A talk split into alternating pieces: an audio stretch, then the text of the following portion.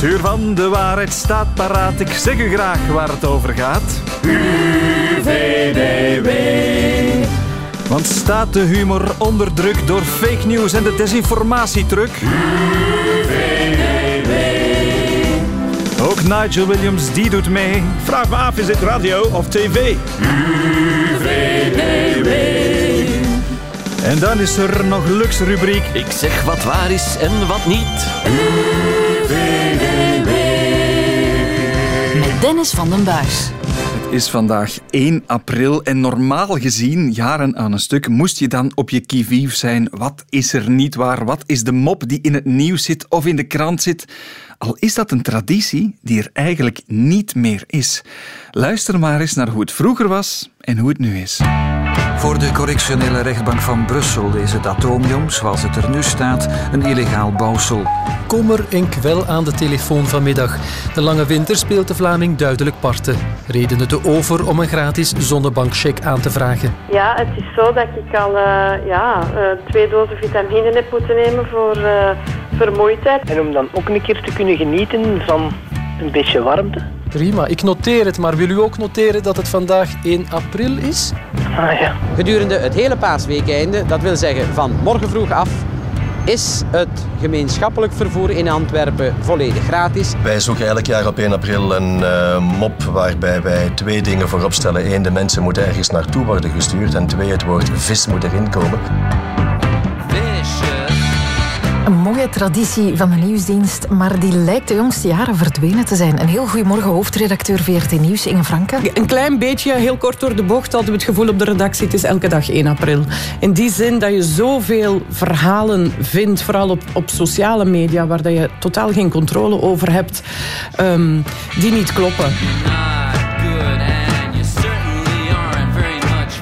En we hebben daar zo'n specifieke rol te spelen als openbare omroep, maar als professionele nieuwsmedia ook, ja, dan vinden we het gewoon niet gepast om actief berichtgeving te gaan brengen om er in deze tijd. bovenop ja, te doen. absoluut.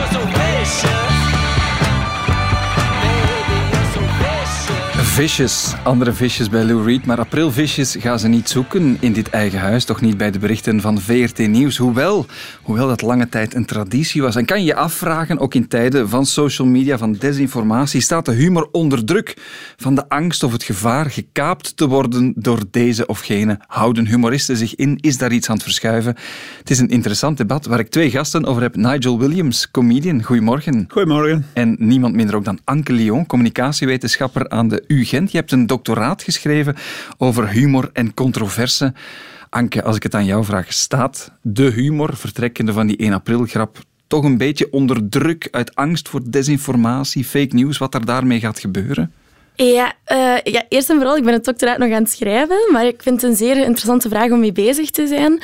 Um, en ja, ik, uh, ik denk, ik verwijs ook graag naar Leonard Pfeiffer, de schrijver, die heeft uh, een, een, pamflet geschreven over hoe de ironie vandaag in crisis is. Um, en wat hij daarbij zegt, is eigenlijk dat, dat we vandaag in een soort van ja, heel open, gedemocratiseerde, maar ook zeer gefragmenteerde samenleving leven, um, waarbij iedereen een beetje zijn eigen opinie kan vormen. Iedereen ook zijn eigen opinie kan delen op Twitter, wat natuurlijk zijn voordelen heeft, maar soms ook zijn uh, misschien nadelen. En een van de nadelen die hij daarin ziet, is dat we eigenlijk geen gedeelde waarden en normen meer hebben, geen gedeeld referentiekader meer, zoals we bijvoorbeeld destijds bijvoorbeeld hadden bij de kerk, die zei wat goed en slecht was. Um, maar vandaag ja, zijn we dat een beetje kwijt. En daardoor wordt het ook moeilijk om een, uh, een mop te maken um, die voor iedereen op dezelfde manier opgevat gaat worden. Ja, de gemeenschappelijke grond onder onze ja. voeten delen we niet, waardoor sommige mensen misschien denken, als je het over ironie hebt, oei, die mensen menen dat, menen echt. dat echt. Het is geen grap. Nigel, deel jij die bevinding vanuit jouw standpunt op een podium staand? Ik weet niet, je, gaat, uh, je vertrekt al uh, van een standpunt van mensen denken. dat doe je niet. Wat ik vrij grappig vind. Nee, luister, als je op een podium staat, is het onmogelijk om in de hoofden te kijken van uh, 1, 2, 3, 400, 500, 600 mensen die voor u zitten. Je weet niet wat een uh, dagelijkse ervaring is geweest, of wat het een uh, ervaring afgelopen week is, of privé, weet ik veel. Dus je kunt alleen maar vertrekken van je eigen hoofd. Dus je kunt, je kunt onmogelijk rekening houden met zo'n diverse mm -hmm. samenkomst. Dat daar iets veranderd is, dat ervaar ik bijna dagelijks. Maar ik vraag me af of dat iets meer te maken heeft met de uh, algemene. Goh, ik zoek een, een fatsoenlijke woord in plaats van de verdomming.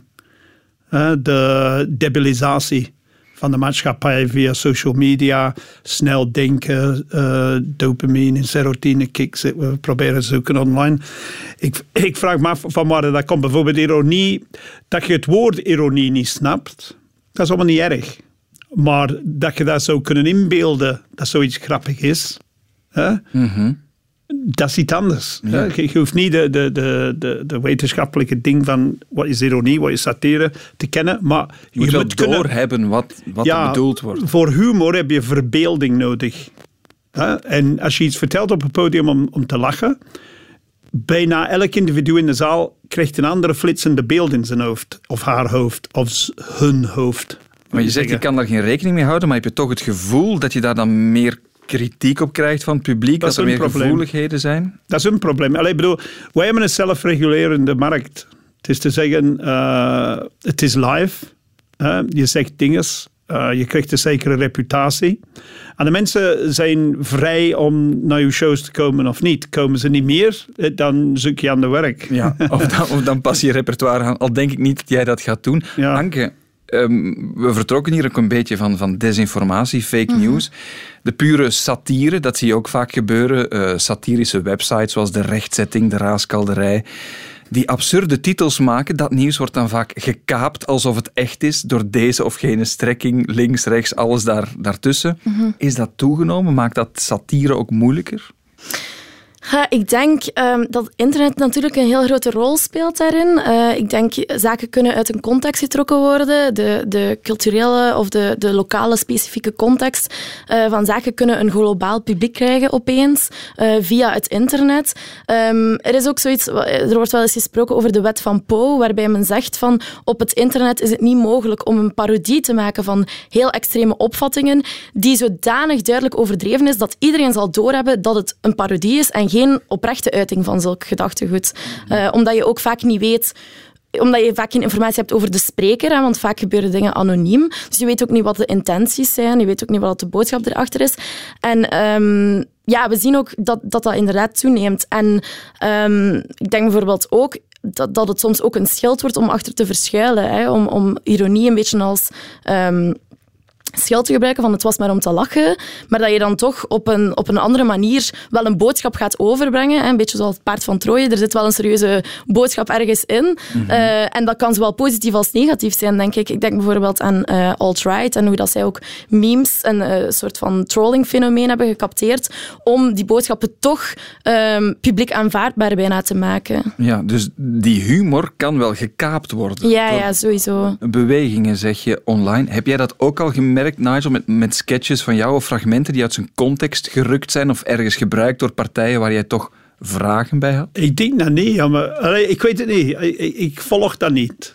Ik, uh, ik ben op social media, maar ik, het interesseert me niet. Ik google mijn eigen naam niet. Mm dat mag je nooit niet doen. Um, ik, ik weet dat niet. Ik lever een product. Als ik een show ga doen, en dan achteraf uh, ga ik naar huis. Mm -hmm. Maar ik heb wel mensen die zo mee hebben kunnen onderscheppen op weg naar de parking. en die zeggen, nou, je hebt dat verteld. Bijvoorbeeld dingen over ja, de traditionele sociale taboes, zoals dood, zelfmoord en zo. Ik vertel erover dingen uit mijn eigen leven, over mijn zus of mijn moeder.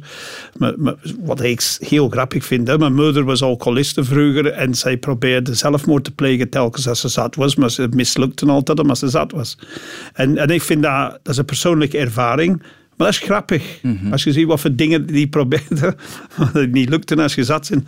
Dat, dat is grappig en ik mag dat vertellen. En is dat anders nu dan twintig jaar geleden als je dat vertelde? Ik, ik zou het niet weten. Ik, denk dat mij, ik, ik, ik weet het niet. Misschien ben ik dom. Ik, ik weet wel in de media, in de media, vooral social media, de wij worden gezegd, bijna dagelijks, wij mogen niks meer zeggen. Mhm. Dat hoor je vaak. Maar dat is zo'n soort self-fulfilling prophecy. Zie je? Als, als de algoritme dat zegt genoeg, dan gaan wij denken: oh, we mogen niks meer zeggen. En dan krijg je zo van die meestal um, mensen die springen op een podium.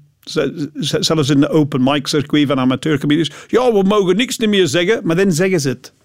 En dan, en dan vragen ze dikwijls van, wat mogen we niet zeggen? Is er een wet gestemd in het parlement of zo? Nee, de markt is nog altijd vrij. Ze gebruiken het eigenlijk als een gimmick in, in hun show. Dan, want, want ehm, Anke, kan je dat zien? Doorheen de tijden zijn er altijd periodes of bewegingen waar humor ja, breder staat, wat je kan doen, en dan dat daar druk op komt en dat dat een soort harmonica is die open en dicht gaat. Is daar zoiets historisch merkbaar? Ja, zeker. Ik denk bijvoorbeeld in, in uh, het oude Griekenland was, werd humor echt ook als iets immoreel gezien. Denk, Plato en Aristoteles zijn de original snowflakes of wokers, zoals dat je het zou kunnen zeggen. Want zij vonden humor echt iets dat, uh, ja, dat het slechtste in de mensen naar boven hield. Um, hielp. Sorry. Um, en ik denk ook, ja, er zijn altijd momenten van censuur geweest. En dat is ook iets wat ik met mijn studenten vaak bespreek. Van ja, we mogen niet met niks meer lachen vandaag. Ja, wat houdt dat eigenlijk in? Hè? Wie is die we en we mogen met niks meer lachen? Wat houdt mogen in? Want legaal is nog altijd alles toegestaan, behalve misschien de anti-negationismewet. Uh, maar ook daar zie je eigenlijk dat er amper veroordelingen worden uh, komen, in, in, in België bijvoorbeeld, wat dat misschien ook goed is. Hè? Ik wil zeker niet gaan pleiten voor uh, harde censuur, maar dan zie je natuurlijk vormen van soft censuur. maar ik ben zeker akkoord met Nigel ook van, um, dat dat op een duur een self-fulfilling prophecy wordt, want er worden ook op basis van drie tweets soms een, een, een mainstream krantenartikel geschreven over woke culture. En ik heb bijvoorbeeld ook een, een, een databank aangelegd bij mijn doctoraat over hoe humorcontroversies aan bod komen in de Vlaamse media, in de printmedia dan. Uh, en dan zie je dat het aantal artikels over incidenten toeneemt, maar zeker ook het aantal metareflecties over uh, de staat van de comedy. Zijn er ook mee bezig eigenlijk? Hè? Ja, voilà, bijvoorbeeld. dus je ziet, het, het leeft echt. Het is, het is ook iets dat, dat leeft onder de maatschappij of zo. Ja, het is een misvatting dat comedy de wereld verandert op een of andere manier. Misschien verandert de wereld comedy wat meer. Als, als, als ik op een podium sta ergens in, in West-Wezel of Oost-Rozenbeek of zoiets, ik ga iets zeggen dat, dat, dat zoals een bom gaat inslaan en de wereld gaat plots anders denken. Ik denk het niet. Het is geen opera die België onafhankelijk Maar wat ik niet moet vergeten is vrij recent, hè, jaren 60, hè, sorry, Anke, maar voor mij is dat vrij recent. uh, Lenny Bruce bijvoorbeeld in Amerika. Ja. De, de politie kwamen van achter in de comedyclub staan ontwachten tot die zoiets zeggen. Mm. En ze arresteerden hem.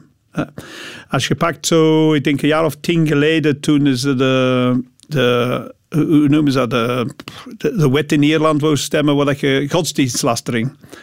Dus, dus godsdienstlastering weer ingevoerd of probeerden ze in te voeren. Of geen moppen over de kerk maken. Ja, voilà. Mm. Dus, dus ja, je zit nu nog in een aantal landen met, met, met die soort uh, censuren. Dus, dus je hebt twee soorten censuur, of drie nu met social media. Je hebt de, je hebt de censuur van uh, wat wij allemaal over heel de wereld vinden, zo min of meer in ons hoofd. Van ja, doe je niet. Hè? De, waarom zou je lachen met iemand omdat die een gebrek heeft of, of bladibla.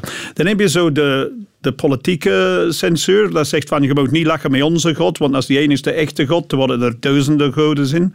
En dan heb je zo de soort social media ding waar iedereen zit te wachten om om een rail te beginnen, om likes te vergaren, laat ons eerlijk zijn. Niet, niet, niet, niet omdat ze verontwaardigd zijn per se of zo. Dat is dan misschien die soft censuur waar Anke het over had. Doe jij soms ook aan zelfcensuur, dat je denkt, dit zal ik toch maar niet zeggen? Ja, maar ik heb het ook gezegd. En ik, ik heb het gezegd in een benefit voor Turkije. En dat, dat ging eigenlijk niet zo goed aan. Die joke.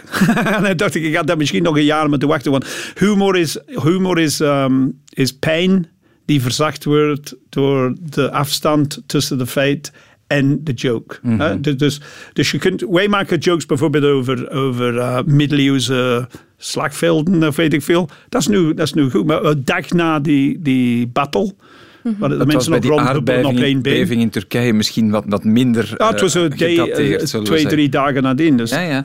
Anke, is Nigel nu representatief of misschien een uitzondering dat hij zegt: Ik trek mij er niets van aan, ik voel het eigenlijk niet, ik volg het niet? Of heb jij de indruk dat er wel in de humor, in de satire, ja, mensen op de rem gaan staan, dat het toch wat vermindert, het aanbod of de vrijheid? Ja, ik denk dat het echt afhangt van persoon tot persoon.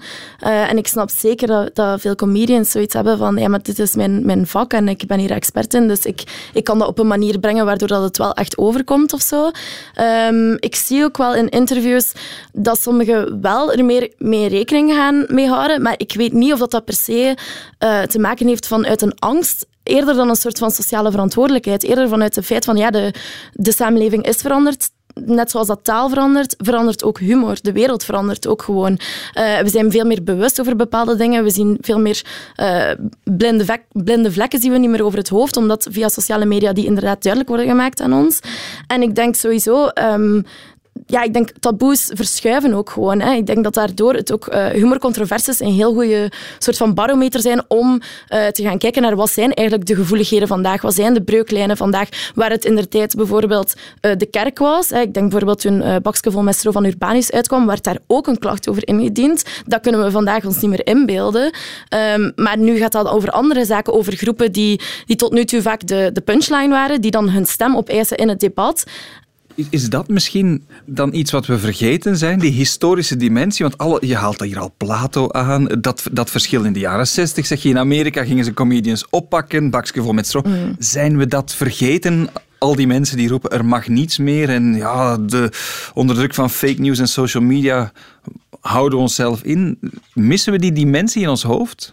Ja, dat, dat, dat, dat, dat zie je voor zich. Trouwens, enkel ik wil u verbeteren. Wij comedians zien ons eigen niet als experten. Alles behalve. Um, nee, nee, maar ik, ik zie humor ook als een manier om dingen te verwerken.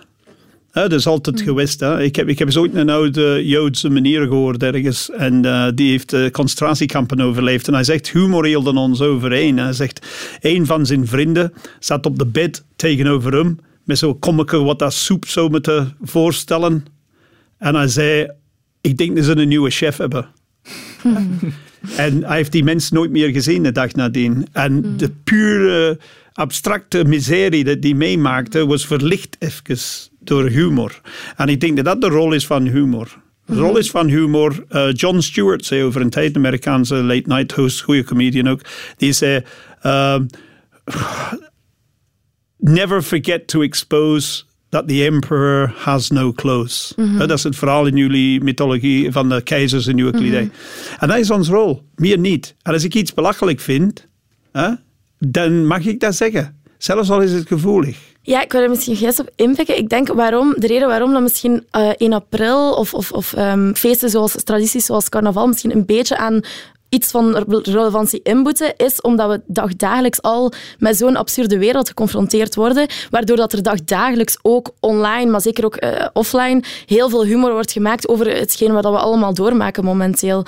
Um, en dus dat één moment waarbij dat de rollen mogen omgedraaid worden, waar dat autoriteit in vraag gesteld worden, mag worden, dat gebeurt eigenlijk ook al dagdagelijks. En want ik wil zeker ook niet gaan beweren, hè, omdat ik daar straks zei van ironie is een crisis, ik wil zeker niet beweren dat er geen humor meer is vandaag. Ook bij de, bij de jongere generaties. Hè. Bijvoorbeeld bij Gen Z of zo, via TikTok, zie je niet anders dan filmpjes met humor. Um, dus ik denk dat het eerder is van omgaan met de absurditeit van het bestaan, uh, zoals voilà. jij ook aangeeft. Het is, het is een overlevingsmodus. Perspectief ja. hebben we geboden op deze dankzij toch een beetje in jullie hoofd te kruipen. Nigel Williams, comedian en Anke Leon, communicatiewetenschapper, bezig aan een doctoraat aan de UvA. Rankt iets op uw rug. Over humor. Controverse. Dank jullie wel. Dank je wel. Het uur van de waarheid. De checkers. De man die bijna bezwijkt onder de gigantische loep waarmee hij de actualiteit bestudeert, is er weer. Luc van Bakel, onze chef fact-checking van de redactie. Luc, een hele goede morgen. Goedemorgen, Dennis. Gaat ons weer vertellen welke verhalen die zijn opgedoken waar zijn of niet. En laten we beginnen best ver weg, en best ver weg in de tijd ook, met de maanlanding. Want opnieuw op het internet zijn er mensen die beweren dat die maanlanding nep was. En het argument dat zijn foto's van de voetafdrukken van de astronauten op het maanlandschap. Ja, het gaat eigenlijk om een fotocollage die je ziet. Die is bijna 10 miljoen keer bekeken op Twitter. Enorm veel is dat. En wat zie je dan? Je ziet eigenlijk aan de ene kant een foto van het maanoppervlakte en een voetafdruk daarin. Een mooie, geribbelde voetafdruk. Onthoud dat. Geribbeld, geribbeld. Ja. Dan, aan de andere kant van de collage zie je eigenlijk het, uh, het pak waarmee Neil Armstrong, de eerste man op de maan, uh, naar Ginder is gegaan en dus uit die raket is gestapt. Ook zijn schoenen dus. Ook zijn schoenen dus. En daar zit het, wat zie je daar? Een gladde voetzool. En dat is het verschil. Geribbeld, glad. Dus wat wordt er beweerd? Kijk, dat kan onmogelijk waar zijn, want die man die had geen ribbels in zijn schoenen. Dus die hele maanlanding is nep. Maar is dat ook zo? Bewijst die foto iets? Dat onderzocht chef Kouwenbergs. Het klopt inderdaad dat die twee niet overeenkomen, maar daar is een heel logische verklaring voor, namelijk Neil Armstrong en Buzz Aldrin, die droegen overschoenen over hun ruimtepak heen. En die overschoenen hadden wel degelijk een uh, geribbelde vorm en gaven dus die afdruk in het maanoppervlak. En vlak voordat ze terug opstegen om naar eh, de aarde terug te keren, hebben ze die overschoenen daar achtergelaten. Bij een latere maanmissie zijn die overschoenen wel terug meegebracht. Die kan je in hetzelfde museum bekijken, maar die liggen dus niet bij het ruimtepak van uh, Neil Armstrong. Samengevat, dat verschil tussen de ribbels en de afwezigheid van ribbels op de ruimteschoenen, zegt dat iets over de maanlanding? Zou die fake zijn? It's one small step for man, one giant leap for mankind. Nee, het verschil is dus heel goed verklaard door onze collega Jeff Kouwenbergs. Iets anders, Luc. We zitten hier misschien nog altijd met wat kleinere oogjes. Heeft niets met gisteravond te maken. Wel met het zomeruur, zeggen we dan. Want ik heb heel veel gehoord dat dat enorm, enorm ongezond is, die overgang van winter naar zomeruur.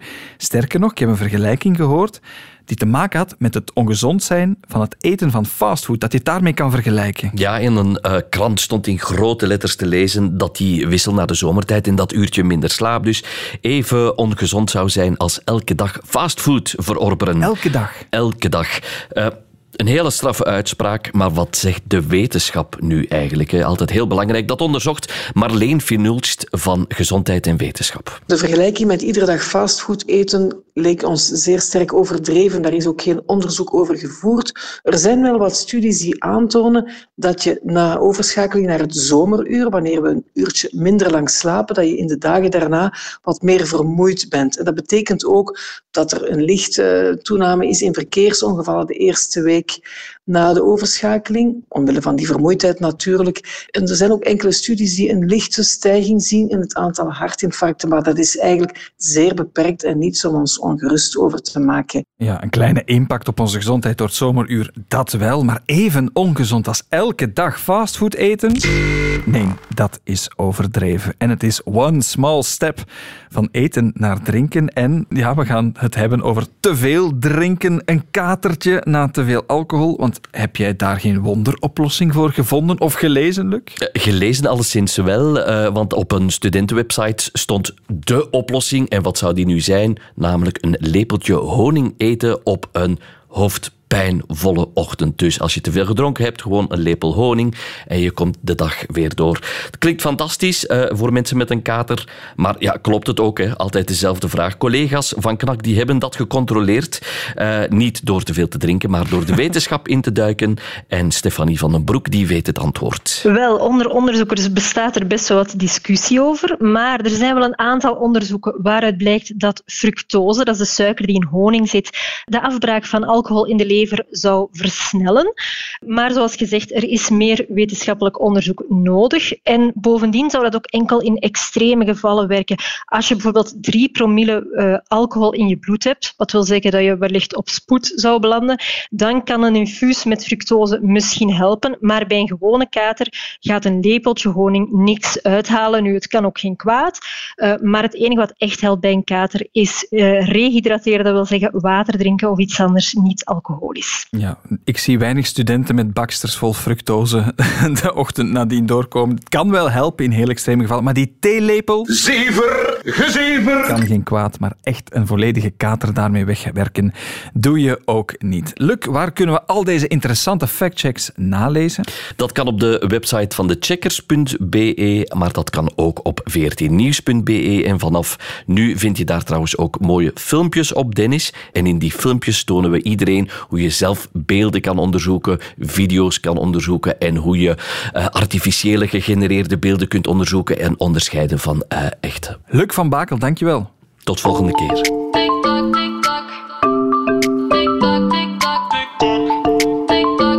Het uur van de waarheid. Heb je al gehoord van de Kia Boys? Op TikTok zijn de Kia Boys heel populair. Het is niet Krapul in Axe, die rappers uit Aarschot van een paar jaar geleden. Het zijn jongeren die iets doen met een Kia-auto. The screech of stolen cars can be heard ripping through roads. They're stealing Kias and Hyundais with a cell phone charger. And a new viral trend that is now a real-life menace. Earlier this year, the Kia Boys Challenge took over TikTok, and because of it, thousands of cars, just like this one, have been stolen with nothing more than a screwdriver and an iPhone cable. Met een iPhone en een kleine schroevendraaier worden duizenden auto's in Amerika gestolen. Het is zelfs zo erg, ze worden gehackt eigenlijk. En dan gaan die jongeren daarmee joyriden dat een aantal Amerikaanse steden die fabrikanten nu ook voor de rechtbank gedaagd hebben, schadevergoedingen eisen, want dit is onveilig. Wat is daar allemaal aan de hand en hoe zit dat? Ik ga erover spreken met Tom van de Wielen, ethisch hacker bij With Secure. Dat is een bedrijf in Kopenhagen dat alles weet over software. En Tom is vooral bezig met het testen van de beveiliging van auto's. Kortom, de man die we nodig hebben. Tom, goedemorgen. Goedemorgen. Tom, hoe doen ze dat juist met die iPhone en die schroevendraaier, een Kia en een Hyundai hacken?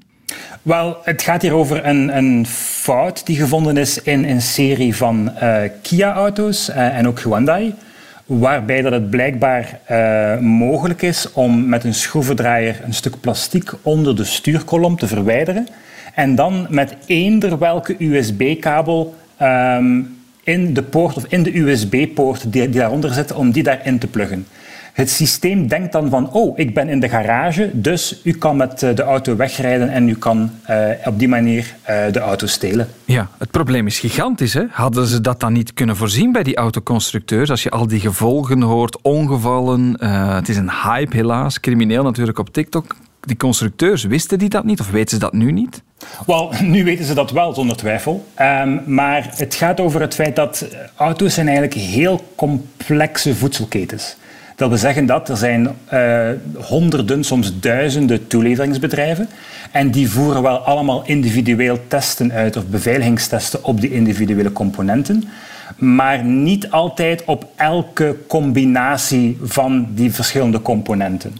Dus dit is een soort van, het wordt een logische fout genoemd, in die zin dat niemand heeft waarschijnlijk gemerkt dat als u en de stuurkolom of dat stuk plastic verwijdert en tegelijkertijd iets in die USB-poort steekt, met die combinatie kan iemand met de auto wegrijden. Ja. Ik weet niet in hoeverre dat getest is, maar wij zien dit uh, heel veel in de industrie, waarbij dat technologie altijd individueel getest wordt, maar nooit echt de som van alle onderdelen. Maar je zegt, we zien dit heel veel. Moet ik mij dan ook zorgen maken over ja, de auto die ik heb of andere mensen? Die worden al maar technologischer. Apps beginnen een rol te spelen, elektronica. Is dit groter dan Kia en Hyundai alleen? Het is zeker een, een problematiek die uh, een deel uitmaakt van het uh, totaal aantal autodiefstallen. En wij voorspellen ook een, een, een opwaartse trend, eh, zoals u al aanhaalde. Hoe meer dat wij elektrische auto's gaan krijgen, hoe meer nieuwe technologie we gaan krijgen, die ons meer gemak en, en een luxe gaat geven natuurlijk. Mm -hmm. uh, maar daarmee ook meer kans op uh, misbruik. En natuurlijk, ja, hoe meer bewegende delen, hoe meer software, hoe meer bedrijven, hoe meer dat er een kans is dat iemand iets gaat vergeten, dat dan kan geëxploiteerd worden door een, een autodief. En echt alle merken, Tom? Niet noodzakelijk alle merken, want uh, zoals u weet, um, wij zijn momenteel bezig met de, de, de overgang naar elektrische auto's. Dus binnen vijf à tien jaar rijden we hopelijk allemaal elektrisch. Um, maar dit soort uh, technologie natuurlijk, um, dat verschilt. Automakers die alleen maar elektrische auto's maken, staan daar een beetje verder mee. Um, want die kunnen meestal de technologie zelf maken en dus hebben ze uh, minder dingen, uh, minder uh, toeleveringsbedrijven. Mm -hmm. um, maar langs de andere kant gaan de hacks of de inbraaktechnieken die we zien, gaan die dan natuurlijk meer geavanceerd moeten zijn. Ja, dus, dus Tesla is, hacken is, is moeilijker dan een reguliere fabrikant die ook een elektrische auto heeft. Bijvoorbeeld. En Uh, inbrekers zijn ook lui en inbrekers hebben ook budgetten en managers meestal. Dus die willen ook kijken van oké, okay, hoeveel auto's kan ik stelen met uh, deze investering van, van tijd en technologie. Yeah. En u, u, haalde al Tesla aan. Tesla is jammer genoeg een van de enige automerken in de wereld die actief meedoet aan publieke hackerwedstrijden, waarbij dat ze zeggen van kijk, hack onze auto en niet alleen mag u wegrijden met de Tesla, u krijgt er bovenop nog een prijs van soms tot 500.000 euro. Ja, daar kan je toch al eens een Tesla mee kopen. um, Inderdaad. Um, maar, maar je hebt toch ook wel sleutels op, op bepaalde frequenties en afstandsbediening, die worden toch ook gehackt of apps die ik nodig heb om een auto open te doen, dat kan toch wel? Absoluut. Um, dus um, hoe meer uh, dat we dit soort keyless driving gaan hebben, um, hoe meer dat we dit soort inbraken gaan zien. Uh, en hopelijk is dit ook uh, een goede voorlichting voor de fabrikanten die momenteel dit soort systemen aan, aan het ontwikkelen zijn voor de volgende generatie voertuigen. Maar keyless driving en inbraken daarop Ehm, zij is waarschijnlijk een van de meest gebruikte technieken om op elektronische manier een auto te, te stelen. Wat kan ik daar nu als consument, als autorijder aan doen of, of waakzaam zijn? Wel, dit is altijd gedeelde verantwoordelijkheid. Dus uh, gezond verstand uh, gaat altijd uh, u goed kunnen dienen in deze situaties. In het geval van keyless driving, dus voor de mensen die daar niet echt veel van weten, bij de meeste moderne auto's staat de, de, de auto in constante verbinding met de sleutel. Als de auto ziet dat de sleutel te ver weg is, dan denkt de auto van oké, de chauffeur is niet meer bij de auto, dus doe de deur maar op slot. Um, als een autodief nu naast uw auto staat met een signaalversterker, dan kan opeens die auto de sleutel wel zien. En dan denkt de auto van oké, de bestuurder staat blijkbaar naast de auto, uh, u mag met de auto wegrijden. Dus de sleutel weghouden van de auto is één ding. Als u de optie heeft in uw auto om een pincode te zetten, zodat u niet zomaar kan wegrijden met de auto, ook al heeft u de sleutel, dat is nummer twee. Uh, en nummer drie is ervoor te zorgen dat uh, uw auto of de sleutel niet direct bereikbaar zijn. Maar als ik, dit, um, als ik dit hoor, Tom, wat is er mis met een gewone sleutel? Een gewone sleutel kan u ook gebruiken, maar jammer genoeg gaan we niet altijd die luxe hebben binnen dit en vijf à tien jaar. Want dat wordt een luxe. misschien wel, maar ook al gebruikt u die optie niet, die optie zal misschien wel aanstaan. Dus we hebben de, dit is weer een van de vereisten die wij als consumenten gaan moeten stellen om te zeggen van kijk, dit is niet goed genoeg. Als ik, ik wil die auto gebruiken op mijn eigen manier. Mm-hmm. En als u mij forceert om het te gebruiken via een app of zo, dan moet dat veilig zijn. Ja, dat denk ik ook. Uh, bij deze zijn we gewaarschuwd, maar ook toch nuance bij de Kia Boys die in Amerika duchtig huishouden door auto's te stelen op een bepaalde manier. Uh, ethisch hacker Tom van de Wielen, dankjewel om bij ons te zijn. Bedankt. En daarmee zit deze podcast van het Uur van de Waarheid er weer op. Een co-productie van VRT Nieuws en Radio 1. Wil je meer weten over de wondere wereld van desinformatie, complottheorieën fake news? Herbeluister dan alle eerdere afleveringen. Dat kan via de app van VRT Max. Tot de volgende.